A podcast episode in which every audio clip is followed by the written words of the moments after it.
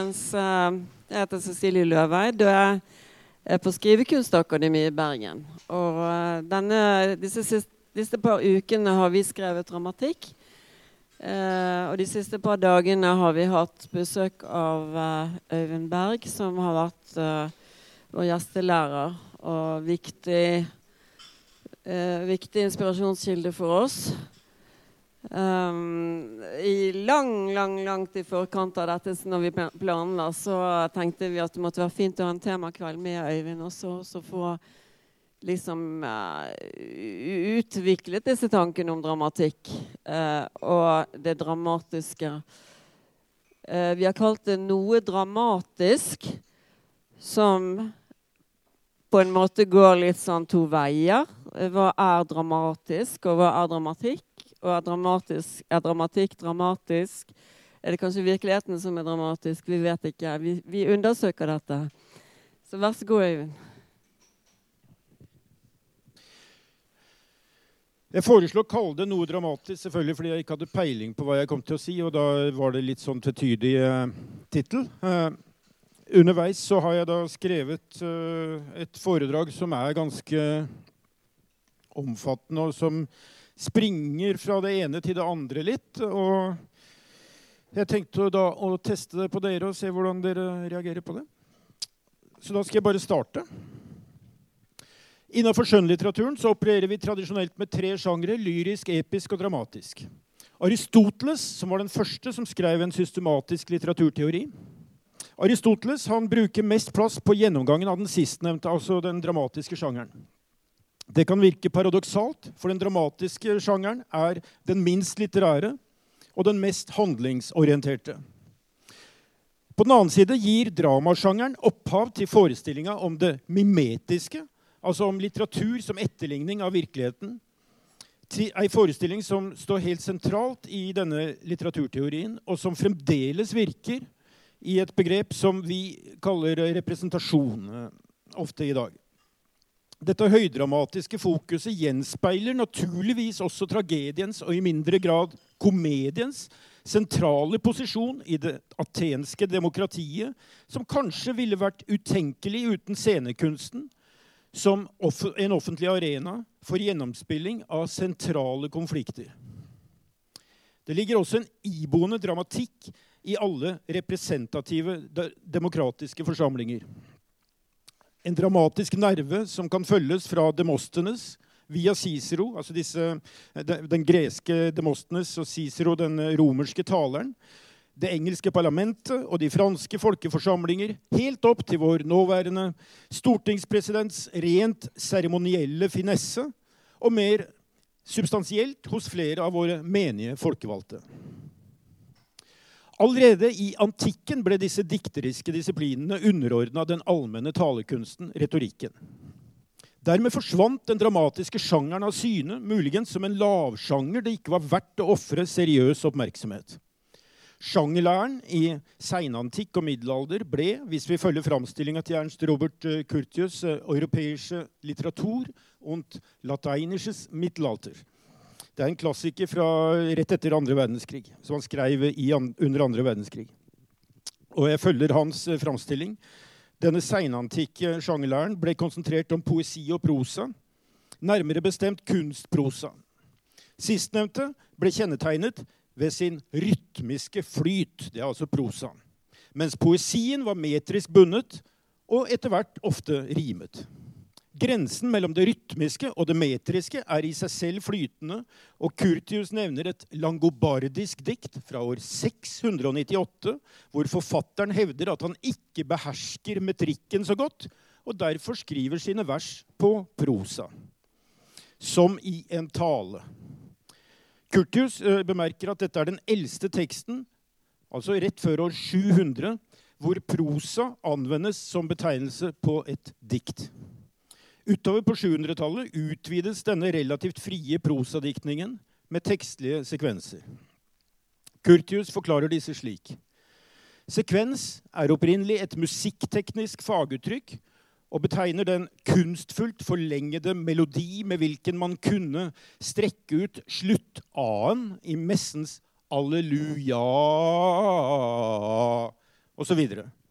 Under den ordløse noterekken, latin sequentia, la man en tekst som telte like mange stavelser som vedkommende melodistykke hadde toner. Denne teksten kan naturligvis ikke regnes som verken metrisk eller rytmisk diktning. Den var derimot ren prosa, og i Frankrike ble den også betegnet som det. Den videre utviklingen fullføres ved at man begynner å utstyre hele sekvensia med en tekst, og endelig ved at man samtidig lager nye melodier og dertil hørende tekster. Sitat slutt. Det var fra Kurtius. Siden disse sekvensene ble sunget som kanoner Det er så lett å si kanoner var det ene og alene antall stavelser som bestemte formen. Og Kurtius legger til en liten definisjon. Sekvens, kolon, den moderne lyrikkens opprinnelse ut fra musikkens ånd. Dette fordi man her, gjennom løsere melodisk oppbygging, for første gang frigjorde versdiktinga fra metrikkens lenker.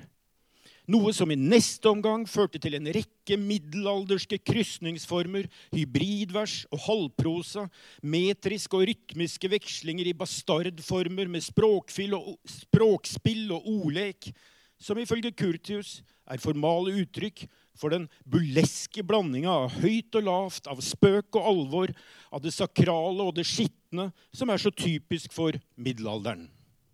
Nemlig. altså vi kan jo legge til at det virker typisk for vår tid, men han snakker altså om middelalderen. Enhver sjangerlære er nødvendigvis fleksibel. Men hvor fleksibel skal man være? Noen vil huske at Norsk Dramatikerforbund for noen år siden utga en slags historiebok om norsk dramatikk etter Henrik Ibsen, der forfatteren Aivo de Figaredo avgrensa emnet sitt, dramatikken, på en vilkårlig og mangelfull måte. Eh, litt morsomt også. Han, eh, han, ramler litt ut, først og fremst eh, på 80-tallet. Og boka fikk jo tittelen 'Ord kjøtt', som er en veldig 80-tallstittel. Jeg dveler litt ved dette, at selve fagforeninga til de som skriver dramatikk, sliter med å definere dramatikken som sjanger. Usikkerheten på området ble faktisk så stor den gang at det skapte dramatikk rundt bokutgivelsen. Noen av oss meldte oss ut av foreninga, f.eks. Eh, hva betyr dette? At det skapte dramatikk, eller at det ble noe dramatisk? Når vi sier at noe er episk, mener vi at det er storslagent. Uttrykket peker mot den dimensjonen fortellinga antar. Det er med andre ord ei stor fortelling, en veldig omfattende og i de mest grandiose tilfeller en verdensomspennende fiksjon.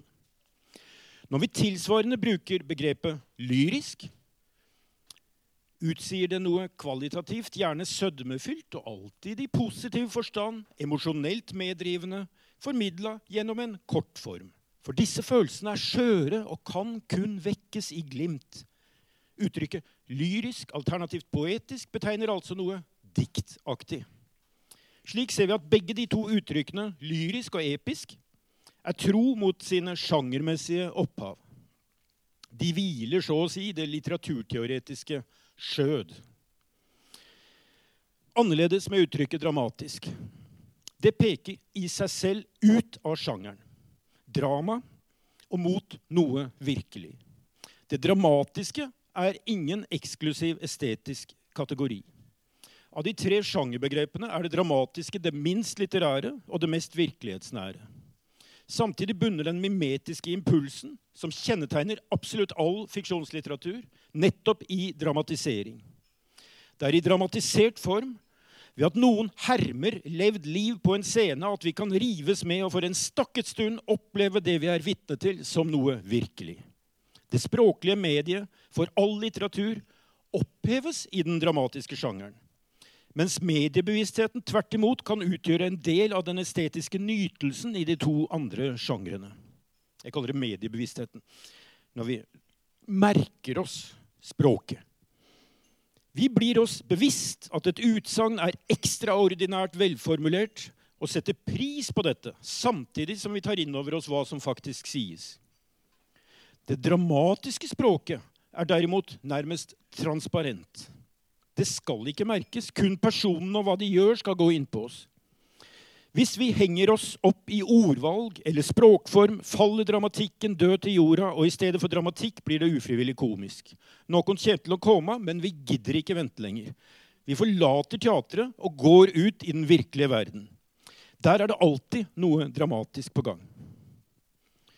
Så la meg kort oppsummere noe dramatisk. Utseendet, utsagnet, betegner enten noe som foregår i virkeligheten og ikke på kunstscenen, eller det er noe som sprenger denne scenens rammer, selv om det rent formelt hører hjemme på en kunstinstitusjon, som f.eks. et teater. Eller en, et uh, filmlerret, eller whatever. Dramatikken er altså på den ene sida en hybridform som kan benytte seg av både metrisk poesi, rytmisk strukturert kunstprosa og vanlig dagligtale. På den andre sida er det ikke en kunstsjanger i det hele tatt. Denne dobbeltheten kan ikke tenkes bort eller høvles vekk med kunstnerisk eller annen praksis. Den utgjør dramatikkens splittede kjerne. Det er nettopp dette som gjør det så dramatisk. At denne sjangeren er i strid med seg selv. Spliden er allerede sådd. Dette gjelder, som man kanskje forstår, også i såkalt postdramatiske arbeider. Nå kan vi for så vidt klassifisere allerede middelalderens sekvenssyngende kirkekor som postdramatiske. Hvis vi kun brukte formale kriterier. Men viktigere for vår tids postdramatiske oppblomstring er nettopp kretsinga rundt eller tematiseringa av dramatikkens kjernepunkter. Mange av de antiaristoteliske kunstverkene som er blitt oppført etter ca. 1980, er f.eks. antiaristoteliske nettopp fordi den aristoteliske strukturen ble oppfatta som kunstig. I motsetning til dette kunstige har teatermakerne lagt seg på en oppføringsmal som skal stå virkeligheten nærmere, eller der det kan være vanskelig å fastslå hvor grensen mellom kunst og liv finner sted. Og faktisk om kunsten i enkelte tilfeller har noen annen begrensning enn overskridelsens egen. Det å være i uavbrutt bevegelse bort fra sitt eget konsept blir i slike verk et mål i seg selv. Hvorvidt dette er fruktbart, skal jeg komme tilbake til. For fenomenet åpne, skaper naturligvis forvirring. Og ikke bare blant publikum og kritikere. Kunstnerne selv er i høy grad forvirrede mennesker som ikke alltid vet hva det er de driver med. Og som et omdreiningspunkt i foredraget så skal jeg sitere en av de mest berømte monologene i dramatikkhistorien. Det er den melankolske sjakk som uttaler følgende i eh, Shakespeares 'Som dere vil' andreaktens sluttscene. Hele verden er en scene hvor menn og kvinner spiller skuespill. De går ut og de kommer inn igjen og spiller mange roller i sitt liv, som har syv akter. Først som lite barn, som gulper klynkende ved ammens barm. Så skolegutt som sleper seg med sekken og fjeset vått av kattevask, uvillig, en snegl på skolevei. Så elskeren som peser lik en smelteovn, en trist sang om kjærestens øyenbryn. Så som soldat, grovkjefta, ubarbert og ærekjær, kampklar og alltid lett på foten i fullt firsprang etter ryktets såpebobler, selv i kanonens munning. Så som dommer, med fin, rund ølvom, fet av korrupsjon. Med strenge blikk og sirlig trimmet skjegg. Med gamle moteord og rettsbelæring som passer rollen godt. I sjette alder, en tørr og mager tass som tøfler rundt, med brillene på nesen, pung som dingler fra buksene som slenger ganske fritt rundt pinglebeina og en tynn falsett som piper ut av strupen lik et barns syltynne plystre. Så kommer siste scene, som slutten på vårt handlingsmette drama. Den andre barndom med sin rene glemsel, når tenner, øyne, smak og alt forsvinner. Det var min oversettelse. William Shakespeare griper her til en allerede den gang gammel og velbrukt metafor. Verden er et teater, og livet er et skuespill. Metaforen er omtrent like gammel som teatret selv. I Filebos bruker Platon uttrykket 'livets tragedie og komedie' i en formulering som ifølge Curtius bærer preg av å være en første sammensmelting av dette begrepslige, men ubegripelige. Curtius legger til at her ligger kimen til forestillingen om verden som et teater, der menneskene, beveget av Gud, spiller sine roller. Allerede hos kynikerne utvikler forestillingene seg til en klisjé. Både Horats og Seneca sammenligner mennesket med en marionette, mimus vita. Og I 1. Korinterbrev 4,9 beskriver Paulus apostlene som dødsdømte i et skuespill på et teater som nå er blitt det romerske friluftsteatret, eller sirkus, altså et teater der fiksjonselementet i dramakjernen er redusert til et syltynt lag ferniss rundt spillet om liv og død som faktisk finner sted i virkeligheten, slik at det dramatiske suget etter reality blir tilfredsstilt med enkle og skjebnesvangre midler. I parentes skal jeg legge til at Denne gresk-romerske metaforen er noe helt nytt i Nytestamentet. I Gamletestamentet fins det selvfølgelig ikke noe teater, for jødene hadde ingen slik institusjon. Og der hentes metaforene fra jordbruket, som når forkynneren preiker om at alt er forgjeves som å gjete vinden. Eller fra krigen, som når Jobb kaller livet en militærtjeneste. ganske fint i Vulgata. Der uh, sies det på et latin som vi alle kan forstå Militia est vita hominis super terram. Nå er det ikke tilfeldig hvilke metaforer vi ender opp med. Slik det heller ikke er tilfeldig hvorfor noen metaforer er mer virksomme og betydningsbærende enn andre. Tanken om livet som teater gjennomsyrer europeisk litteratur og dramatikk. Og da Globe Theater ble åpna i 1599, var det med denne inskripsjonen over inngangen. Totus mundus agit histrionum. Altså hele, liv, hele verden er en scene. Det er jo samtidig med at han skrev eh, sitt skuespill som jeg nettopp siterte fra. Da Cervantes ridder Don Quijote i andre dels tolvte bok formulerer det samme, svarer Sancho at det er en glimrende sammenligning, men at han har hørt den mange ganger før. Forestillinga om El Gran Teatro del Universo, Balthazar Grazian, var spesielt populær under barokken. Og allerede fra 30-årskrigen kjenner vi begrepet teatrum belli, eller som det heter i nyere militærsjargong, theater of war. Det er en uh, forestilling som ble popularisert, kan du si, eller som ble videreført av Carl von Clausewitz rundt, i hans store verk om krigen, 1832 eh, eller noe sånt. og som siden har levd i militærstrategisk tenkning. Curtius beskriver teatrum mundi som en fast figur i f.eks. Calderons verk. Og han hevder også at Calderons samla verk er dimensjonert som et verdensteater. Noe som gir et historisk sus over et av de sentrale postdramatiske kompaniene i Norge, nemlig Verdensteatret. Starta her i Bergen i 1986. Som er en gjeng med avantgardister, dvs. Si fortropper, som begynte sin virksomhet med noe så gammeldags som å reise rundt fra by til by med et sirkustelt. Postmodernismen kom til Norge ca. 1980. For oss som var rundt 20 år den gang, føltes det som en spennende tid. Å lese Derrida åpnet margene i filosofihistorien for oss lenge før vi hadde fått med oss brødteksten. Tiåret før hadde vært preget av et sterkt og ensfarga politisk engasjement. Nå framsto plutselig samtida som spraglete, mangtydig og fruktbar. Da Verdensteatret døpte seg selv med barokk pondus, fant noen andre sammen i en annen gruppe som fikk det ironiske navnet Baktruppen. Med dette signaliserte vi at vi hadde forstått den postmoderne tidsånden, og at vi ville ut av den.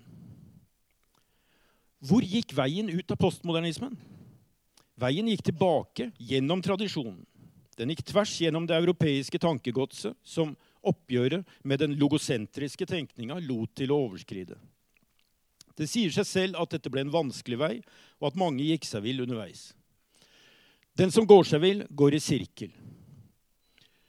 Noen av disse sirklene som man blir gående i, kan overflatisk sett virke produktive, slik at man går og går til allmenn forlystelse og egen fortjeneste. Det kanskje viktigste omdreiningspunktet for en slik omvendt botsgang i det postmoderne landskapet, til forveksling lik en seiersrunde, er nettopp det nevnte fiksjon slash virkelighetstopose. Som jeg har betegnet som dramatikkens kjerne, og som for tida utspiller seg både i det vi kaller virkelighetslitteratur og i såkalte reality-serier, samt i fruktesløs omklamring av mer eller mindre alternative narrativer i mer eller mindre sosiale medier. Vi lever tross alt i det Guy Debord allerede i 1967 karakteriserte som skuespillsamfunnet. Men er ikke slike betegnelser, skuespillsamfunnet, også en metafor? Og blir det ikke lett å trå feil for en kunstner som beveger seg innafor slike metaforer? Når vi med den amerikanske filosofen Norman O'Brown ser på sivilisasjonen som et drama vi projiserer på historiens gang, i stadig mer subtile symbolske former, da opplever kunstnerne seg lett som naturlige autoriteter. I det siste har vi sett mange kunstnere eh, Man kan si eh, oppfatter seg som man kan like gjerne si blir oppfatta som. Eh, for det er vel kanskje resepsjonen av kunstnere og mottagelsen som jeg egentlig vil snakke om her. Eh, som da gjør at eh, kunstnere og forfattere i neste omgang geberder seg like pompøst og uetterrettelig som en hvilken som helst annen tvilsom autoritet. Jeg skal nøye meg med tre eksempler på dette. Det er Hanke-debatten, de nordkoreanske eventyrene til Morten Tråvik med følge, og virkelighetslitteraturen. Og jeg vil begynne med det siste som er en metafor av den aller mest klønete sorten. Dvs. Si at to begreper fra atskilte sfærer er satt sammen. Men hvis vi ser litt nærmere på det, er det annerledes i dette tilfellet. For virkeligheten og litteraturen er jo, som jeg har vært inne på, ikke to atskilte sfærer. De er sammenfiltra via dramatikken. Virkeligheten er gjennomstrømt av fiksjoner. Og når vi skriver dramatikk som oppføres, blir det også virkelig. Selv om det er litteratur. Like fordømt har det skjedd noe nytt med denne såkalte virkelighetslitteraturen, og det blir først og fremst synlig i de reaksjonene den vekker. I gamle dager, da litteratur og virkelighet var atskilte begreper, vakte litteraturen ofte debatt. Etter at disse to begrepene ble smelta sammen til ett, vekker det som skrives, også debatt. Men fokus er forskjøvet. Nå er det ikke lenger virkeligheten som debatteres, men litteraturen og dens bruk av ikke virkeligheten, men virkelige mennesker. Debatten er blitt personifisert i likhet med offentligheten for øvrig, og litteraturen fortsetter å sirkle rundt dette bitte lille, altså det personlige, men vesentlige elementet av virkelighet. Dette elementet utgjør den dramatiske gnisten som tenner litteraturen. Uten denne gnisten er litteraturen sløkt. Som prosa er den død. Men når interessen tennes av personfokusets brennglass, får denne litteraturen appell i en narsissistisk offentlighet som vinkler alt på person og ikke på sak, og som derfor ligger vidåpen for posører og opportunister. En opportunist poserer med forskjellige standpunkt alt etter hva som gir best uttelling. For en opportunist er det ingen motsetning mellom å insistere på at litteraturen er fullstendig amoralsk, og å framstå som moralsk autoritet. Det er en del av det samme gamet, og dette gir merkelige utslag.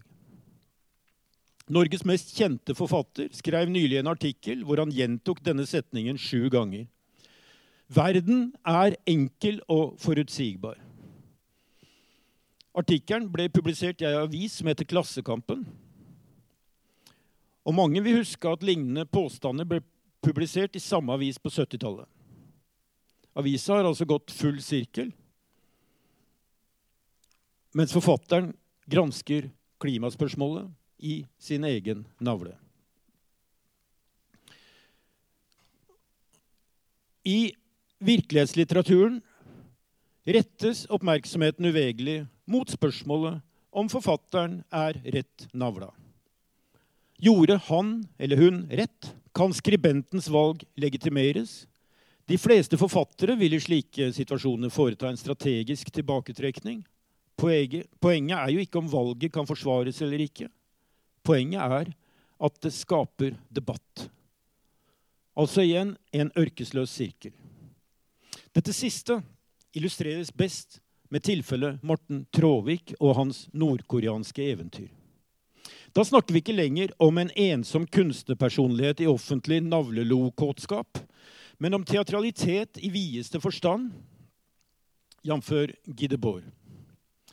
Morten Tråviks kunstneriske strategi består av forskjellige iscenesettelser i offentligheten som han definerer som sitt eget hyperteater. Samtidig Det vil jo si at uh, hele offentligheten er hans teater. Men samtidig så trekker han seg fra spillet. Og I et tilfelle i debatt med Anders Heger på Dagsnytt 18 besvarte han kritikken med et rungende gjesp og innrømmet dermed ufrivillig at det skuespillet han selv har satt i scenen, er drepende kjedelig. Ved en annen anledning gikk han, antagelig fordi han slapp opp for kunstneriske virkemidler, til det skritt å politianmelde aktørene i sin egen tragedie i den uttalte hensikt å få dem til å tie stille. Han eh, politianmeldte Bård Larsen i Civita.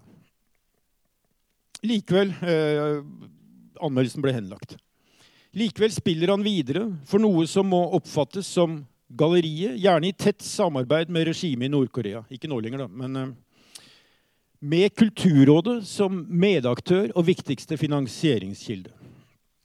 Tråviks mest spektakulære verk iscenesettes som surrealistiske tablåer der et nordkoreansk materiale, menneskelig eller kunstnerisk, gis ironiske løft ved å flyttes inn på den vestlige kunstscenen, alternativt ved at vestlige aktører som Laibach får opptre for et utvalgt publikum på en nordkoreansk scene. Men også i dette tilfellet er produksjonen innretta på det vestlige publikummet som ser filmen etterpå.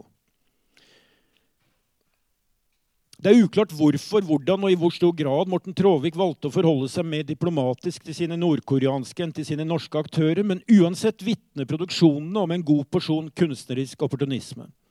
Det er entreprenøren bak verket som står igjen i skinnet av det, mens andre menneskelige hensyn synes tilbakelagt, og slik kuttes forbindelsen mellom det hyperteatrale spillet og den vonde realiteten det nærer seg av. I et intervju sa vedkommende kunstner nylig at uh, Fredrik Skavlans talkshow er uh, hakket verre enn regimet i Nord-Korea. Det er klart at sånne utsagn om verden vanskelig kan tas seriøst. Likevel så er det altså verden kunsten hans ernærer seg som en parasitt. Uten virkelighetselementene og det dram dramaet de bringer inn, står vi igjen med estetisk visvas. En parasitt er en blodsuger, og mange kunstnere har opp gjennom historien forholdt seg sånn til modellene sine.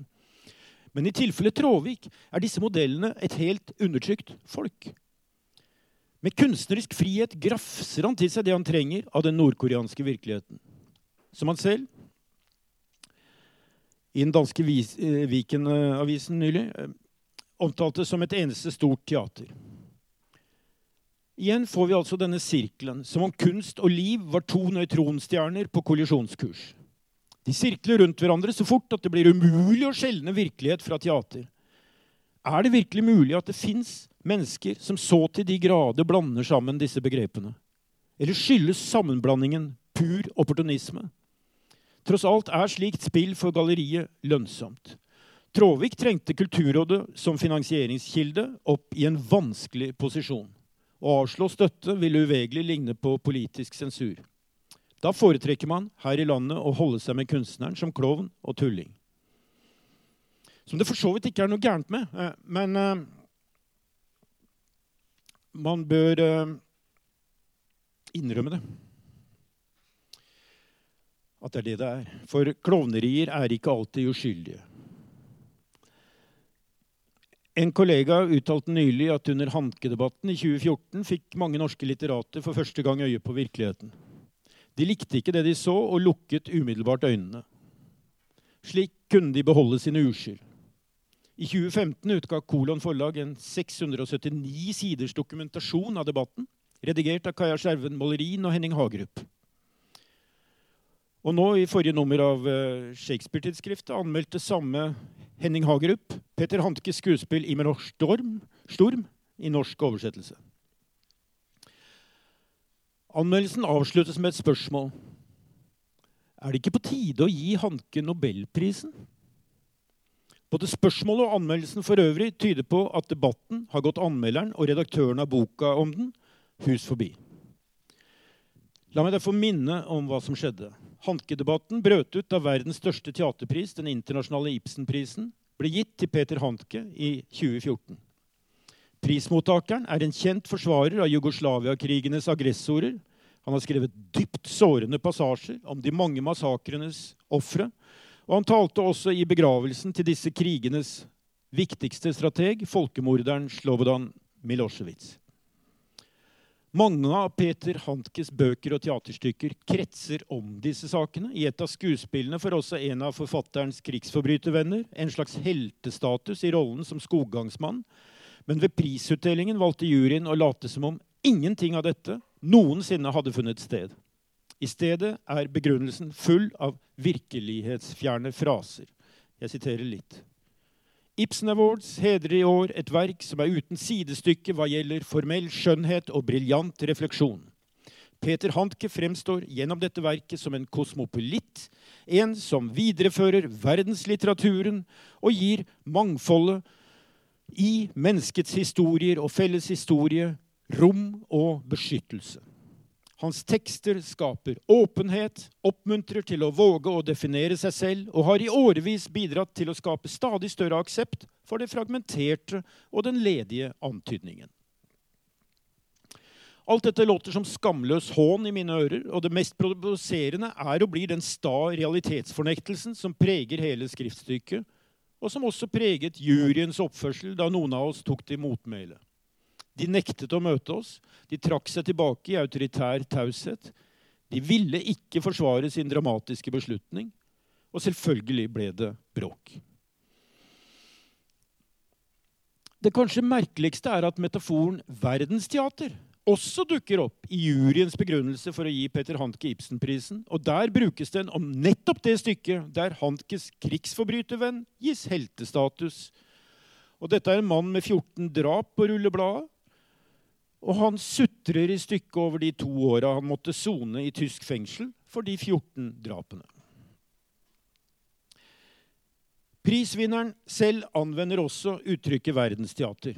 Men han bruker om menneskerettighetsdomstolen i Haag. I Peter Hankes verden snus ting ofte på hodet. Teater og virkelighet byttes om. Offer blir gjerningsmann, og gjerningsmann blir offer i en stadig sirklende bevegelse om det jeg har kalt den dramatiske kjernen. Eller virkelighetsgnisten som tenner et lys i de seine tekstene hans. Et skimmer eller et bluss som jeg antar juryen henspiller på med formuleringene 'det fragmenterte og den ledige antydningen'.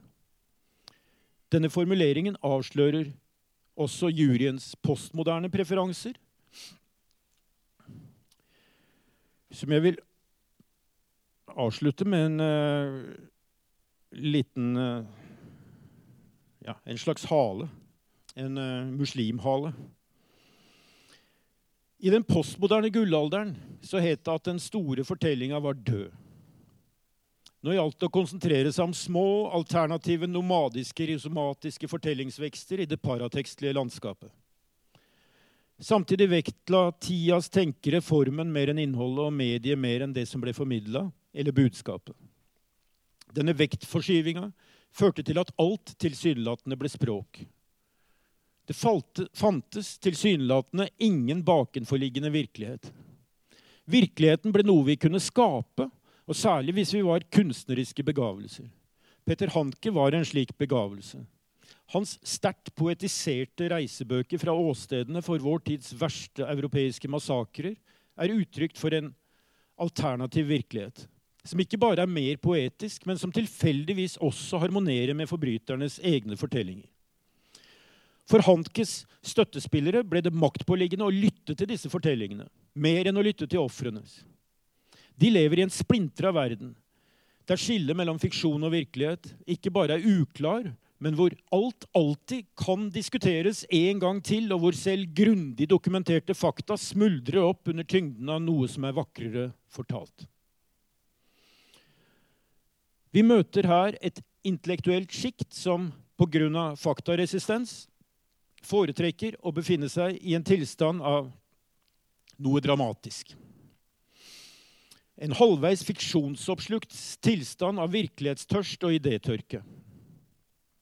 I denne tilstanden kan en velkjent bergensprofessor og dekonstruktiv ideolog drikke av propagandaens kilder og spytte ut anklager mot domstolen i Haag. Virkeligheten trenger ikke inn gjennom den postmoderne nansjalansens ledige antydninger. Dette er en tragisk historie. Og når det skjer noe dramatisk, er hele dette intellektuelle sjiktet per definisjon ute av stand til å fatte hva som skjedde. Michel Foucaults hyllest til prestestyret i Iran er velkjent. Et kanskje enda mer talende eksempel er nevnte amerikanske filosof Norman O'Brown. En av mine gamle helter fra 80-åra. Han utga 'Love's Body' i 1967, var det vel. Ble en slags uh, guru for uh, hippiebevegelsen. Var en filosofiprofessor eh, som først og fremst skrev kulturkritiske bøker, eh, venn av eh, Marcose, og som så ble plutselig oppsøkt av eh, LSD-spisende hippier. Og verken hippien eller han skjønte hva som egentlig foregikk. For han var en puritansk mann, og hippiene var det ikke. På slutten av sin karriere så holdt han en serie forelesninger om islam. Dette er 1980. 1981. Vår yngste verdensreligion oppsto som kjent omtrent samtidig med de sekvenskanonene jeg nevnte i begynnelsen av foredraget. Men stilistisk og narratologisk kan Koranen, ifølge Brown, plasseres i den postmoderne æra. Han leste muslimenes hellige bok, og han nærleste Sura 18 i lys av James Joyces 'Finnegans Wake', og slo da fast at Koranen var mye mer avantgarde.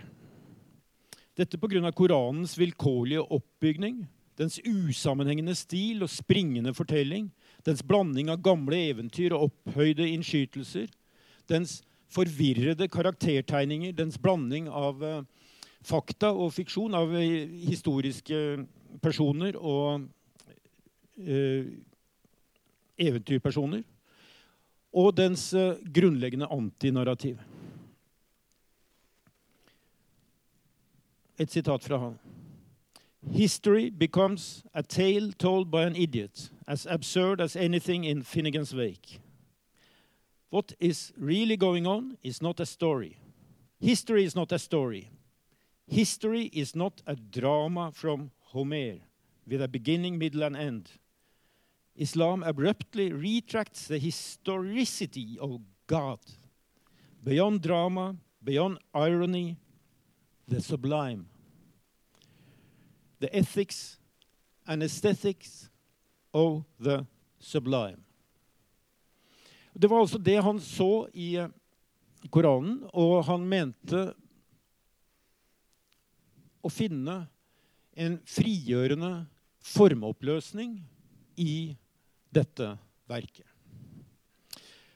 Og min konklusjon må da bli at la oss holde oss til dramatikken med den blandinga av virkelighet og fiksjon den innebærer.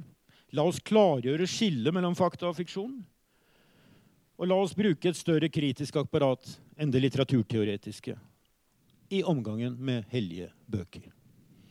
Jeg er klar over at dette har vært noe springende, men jeg er ferdig nå i hvert fall. Takk for meg.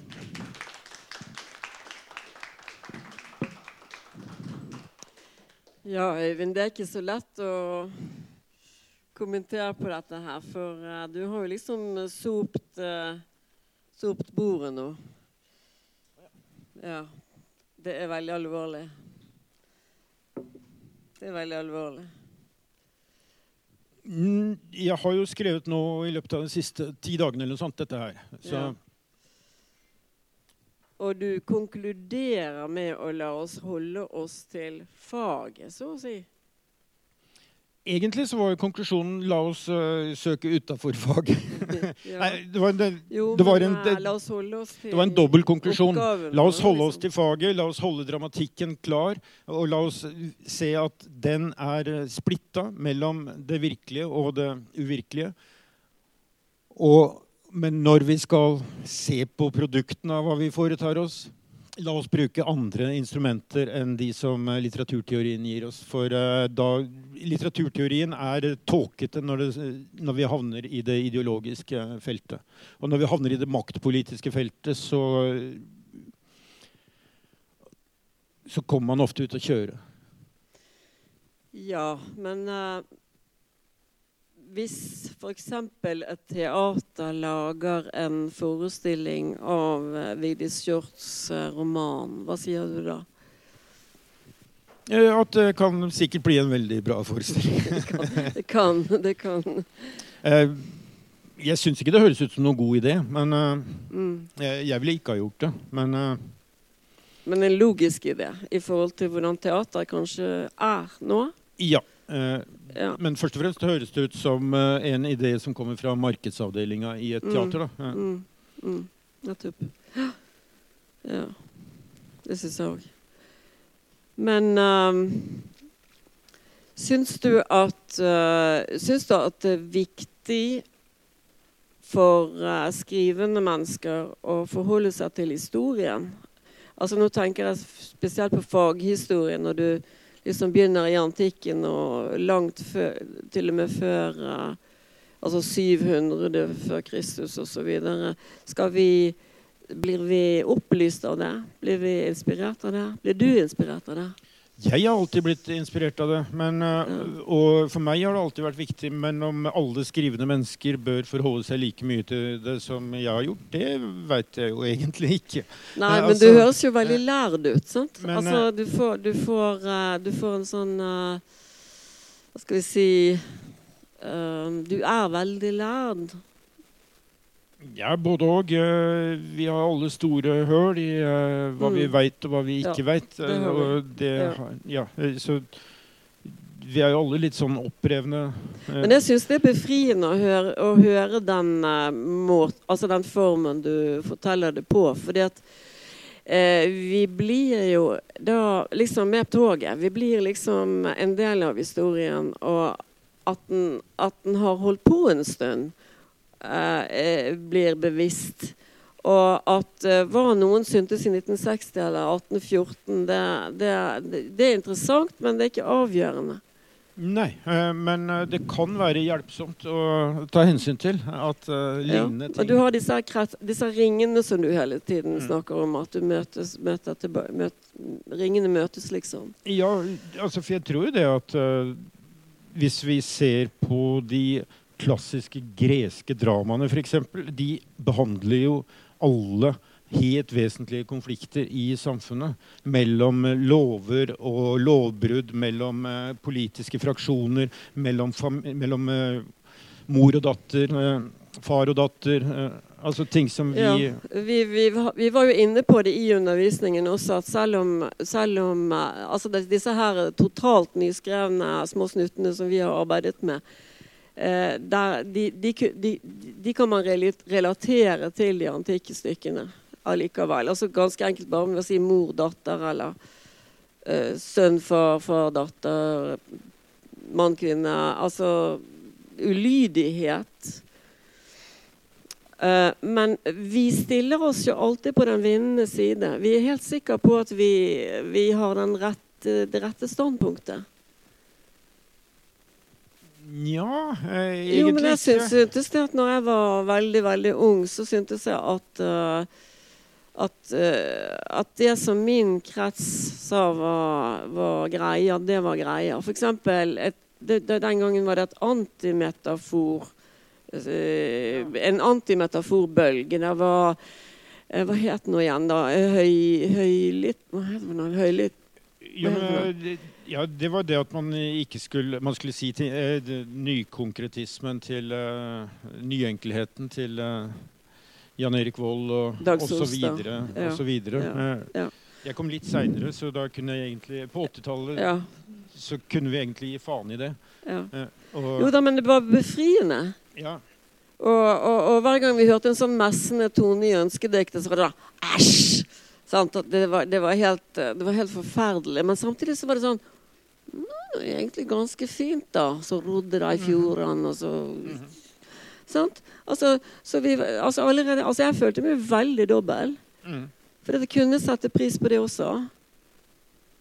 Og det, det samme er jo Altså, når jeg eh,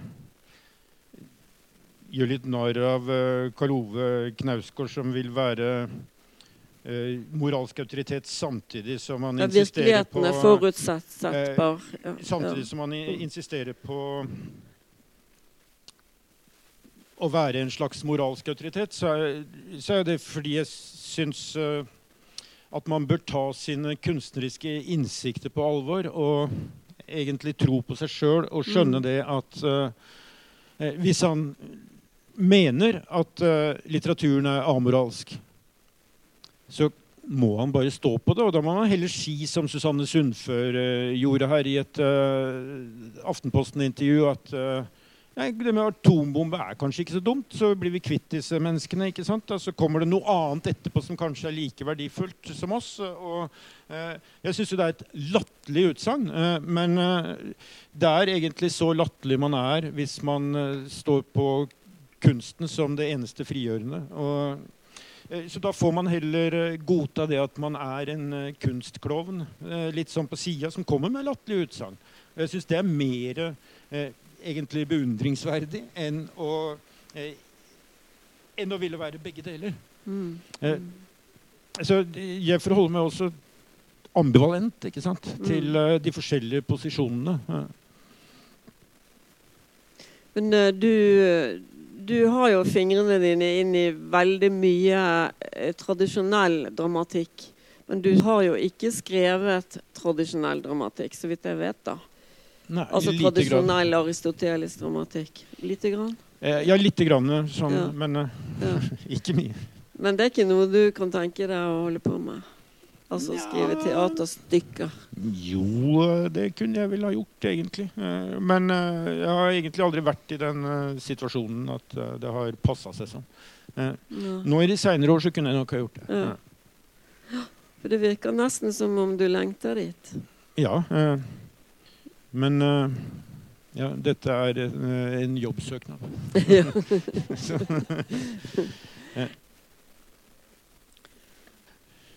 Nei, det er spennende hva du, hva du fortsetter med. Men nå fortsetter du i hvert fall ikke med dramatikk riktig ennå. Du har andre ting i ja, jeg driver for første gang med romanskriving, så eh, Ja. det er gøy. Ja. ja. Ja. ja, men da sier jeg tusen takk for uh, følge og oppmøte. Og Takk for uh, takk til deg. innbydelsen, og dere som trossa Ja. alt mulig annet har kommet hit. Fint. Takk.